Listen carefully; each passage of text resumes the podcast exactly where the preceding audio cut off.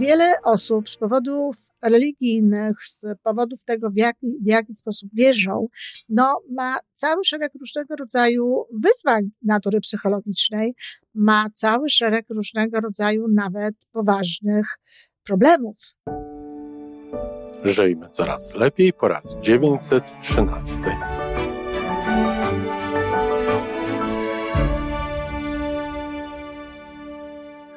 Witamy w miejscu, gdzie wiedza i doświadczenie łączą się z pozytywną energią. Nazywam się Iwona Majska-Piołka. Jestem psychologiem transpersonalnym, wspierającym rozwój osobisty i duchowy. A ja nazywam się Tomek Kniat. Nie jestem psychologiem, jestem techniczny, jestem adeptem rozwoju osobistego, bardzo to lubię.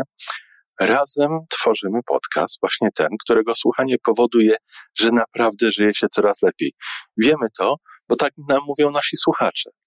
Zapraszamy do wysłuchania kolejnego odcinka i mamy nadzieję, że nowe głosy dołączą do tych, że warto nas słuchać. Dzień dobry, z tej strony Iwona Majewska-Piełka, wasz psycholog. Dzisiaj akurat ważne jest to, że wasz psycholog transpersonalny. Prawdopodobnie przy różnych okazjach mówiłam, czym co znaczy psycholog trans, transpersonalny, czym się różni psycholog transpersonalny od psychologa, który tego przymiotnika obok swojego wyuczonego zawodu nie używa. Otóż psycholog transpersonalny to jest człowiek, który oczywiście jest psychologiem, w moim wypadku to jest kobieta, która oczywiście jest psychologiem. Skończyłam studia psychologiczne zresztą nie tylko w jednym miejscu. I oprócz tego dotarłam do różnego rodzaju kursów, szkoleń, książek, ale też całego takiego nurtu, który związany jest e, z absolutem, z wyższą siłą, z Bogiem, z wyższą energią, z czymś więcej niż tylko człowiek. Psycholog transpersonalny to jest psycholog, który zajmuje się nie tylko człowiekiem w kontekście jego do, doczesnego życia, nie tylko jego e, ciałem w połączeniu z emocjami, oczywiście, nie tylko emocjami, nie tylko procesami postrzegania, pamięci i tak dalej, i tak.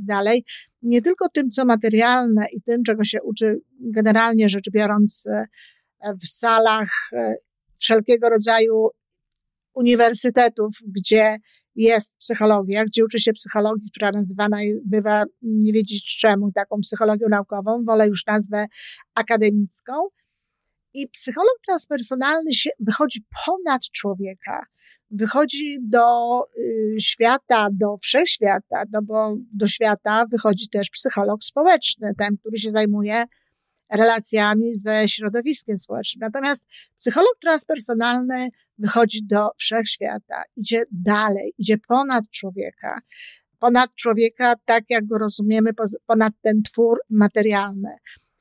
Najkrócej można powiedzieć, że psycholog transpersonalny zajmuje się duszą. A skoro zajmuje się duszą, no to absolutnie musi zajmować się również e, źródłem wszystkiego, czy no, jak tym, co najczęściej, tym zjawiskiem, tym cudem, który najczęściej bywa nazywany Bogiem. Nie można mówić o oderwaniu zupełnie od źródła. Owszem, można mówić o duchowości bez używania tego słowa Bóg, ale zawsze, zawsze trzeba będzie nawiązać w jakiś sposób do energii, do źródła, do miłości, do tego, co dobre i co jest no, źródłem, można powiedzieć, miłości w nas, a potem tego wszystkiego, co łączy się z miłością. Czyli będąc psychologiem transpersonalnym, szczególnie bliskie mi jest e, no, podejście takie uwzględniające w jakiś sposób religię i to różnego rodzaju religie. I teraz e, oczywiście inaczej psycholog transpersonalny będzie się odnosił do wszelkiego rodzaju, wszelkiego rodzaju religii, ponieważ moim zdaniem religia to jest dochodzenie do Boga, tak? Czyli jakby w różny sposób ludzie do tego Boga próbują dochodzić i w związku z tym różne są religie. Jeśli ktoś jest psychologiem e, w jakimś kraju e, transpersonalnym, w kraju, w którym panuje taka lub inna religia, czy w ogóle ma do czynienia z człowiekiem, który w taki lub inny sposób wierzy w Boga, dochodzi do tego Boga, no to jakby z, ta, z tym musi sobie radzić. I e, religia jest bardzo istotnym elementem psychologii transpersonalnej. Ona w ogóle jest bardzo istotnym elementem, tylko zazwyczaj psychologia akademicka się nad tym specjalnie nie pochyla.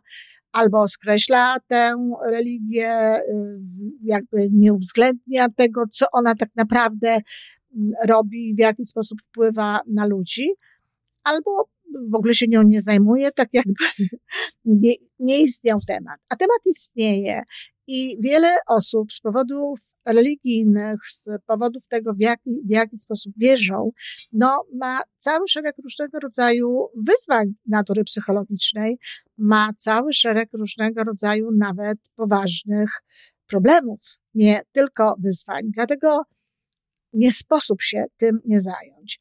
I mówię tutaj, e, ten odcinek jest właściwie takim odcinkiem, w którym chcę Was zachęcić do tego, żebyście posłuchali mojego filmu, mojego nagrania pod tytułem, pod tytułem y, Bóg nas nie kocha.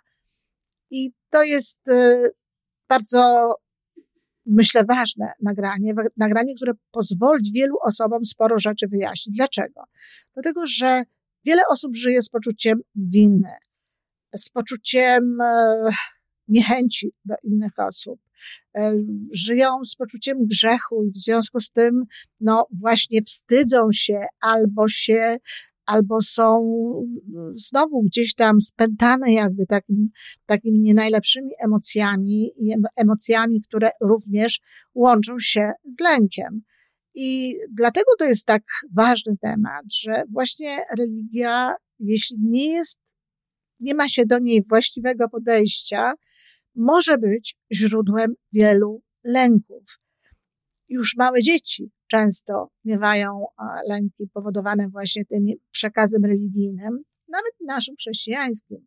Natomiast ludzie starsi również w jakichś momentach swojego życia, no, y, jakby doznają w sposób oczywisty, uświadamiany różnego rodzaju lęków związanych z, ze swoimi zachowaniami e, życiowymi, które są na przykład interpretowane przez religię jako grzech, a, a niezależnie od tego, nawet jeśli nie uświadamiają sobie pewnego rodzaju rzeczy, to również cały szereg takich spraw związanych zarówno z liturgią, na przykład w wypadku e, Kościoła katolickiego, jak i z różnego rodzaju ceremoniami w, różnych kościołach, no, powoduje, że na przykład ma się zdecydowanie niższe poczucie własnej wartości niż można byłoby mieć. Bardzo często religie mm, obniżają, to znaczy nie tyle, nie tyle same religie, ile praktyki wszelkiego rodzaju religijne, obniżają poczucie własnej wartości, e, zmniejszają sam, samocenę i w związku z tym no, powodują, że człowiek ma jakby gdzieś tam mniej tej siły wewnętrznej.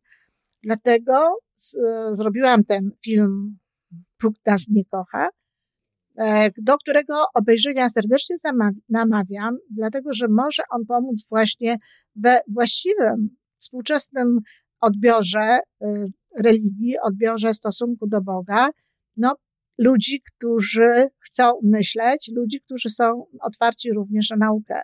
Te rzeczy, o których tam mówię, są tak naprawdę bliskie również dzisiaj mm, nauce, takiemu podejściu naukowemu do energii, z jaką mamy do czynienia i do źródła tej energii. Oczywiście, jeśli ktoś nauczył się przez wiele lat mm, funkcjonować w zakresie takich opisów e, obrazkowych jakby Boga, Boga jako troskliwego Ojca, czy Boga jako karzącego Ojca, czy Boga jako stróża wszelkiego porządku, ładu i tak dalej. Jeżeli ktoś bardzo mocno tkwi w tych schematach religijnych, które pokazują nam e, Boga jako praktycznie rzecz biorąc człowieka, bo te wszystkie cechy, które ma ten pokazywany Bóg, to są ludzkie i jest to efektem, do czego odnoszę się właśnie w tym dłuższym wykładzie. Jest to efektem takiego, no po prostu ludzkiego pojmowania Boga, ludzkiego podejścia do czegoś, czego człowiek nie jest w stanie nazwać, e, zrozumieć,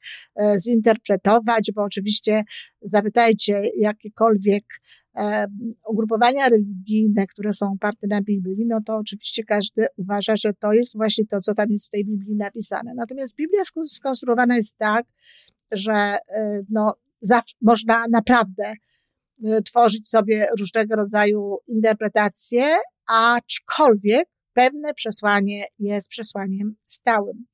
I w związku z tym mm, ten film, który zrobiłam, ten dłuższy film, no stara się po prostu znaleźć, pomóc tym osobom w znalezieniu takiego dobrego podejścia do tego. Moim zdaniem, to, o czym mówię w tym filmie, moje podejście do, do Boga jako do źródła miłości, do źródła miłości, które może tylko i wyłącznie wysyłać miłość, nic oprócz tego, y, jest podejściem, które wpasowuje się w każdy nurt religijny i wpasowuje się w każdą filozofię.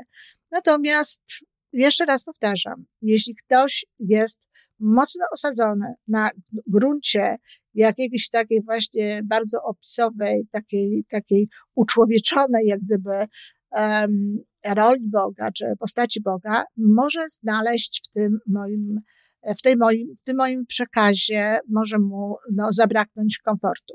Z góry przepraszam i proszę zrozumieć, że e, nie wszystko, co, co mm, robi się gdzieś w, czy w nauce, czy, czy sposób, w jaki podchodzi się do, do życia, do tego, żeby pomóc również ludziom w lepszym funkcjonowaniu, no, musi być koniecznie zgodne e, z takim sposobem myślenia, w jakim ktoś myśli.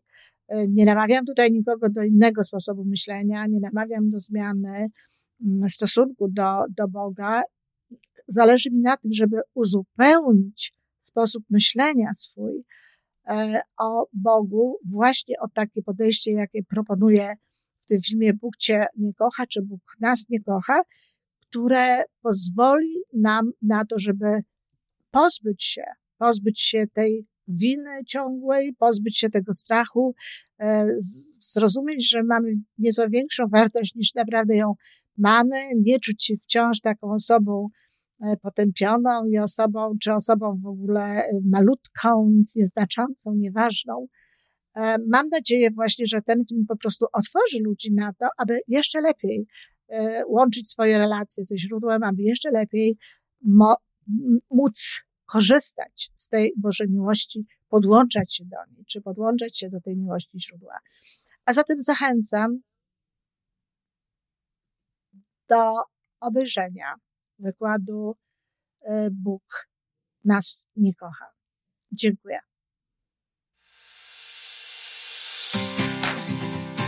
To wszystko na dzisiaj.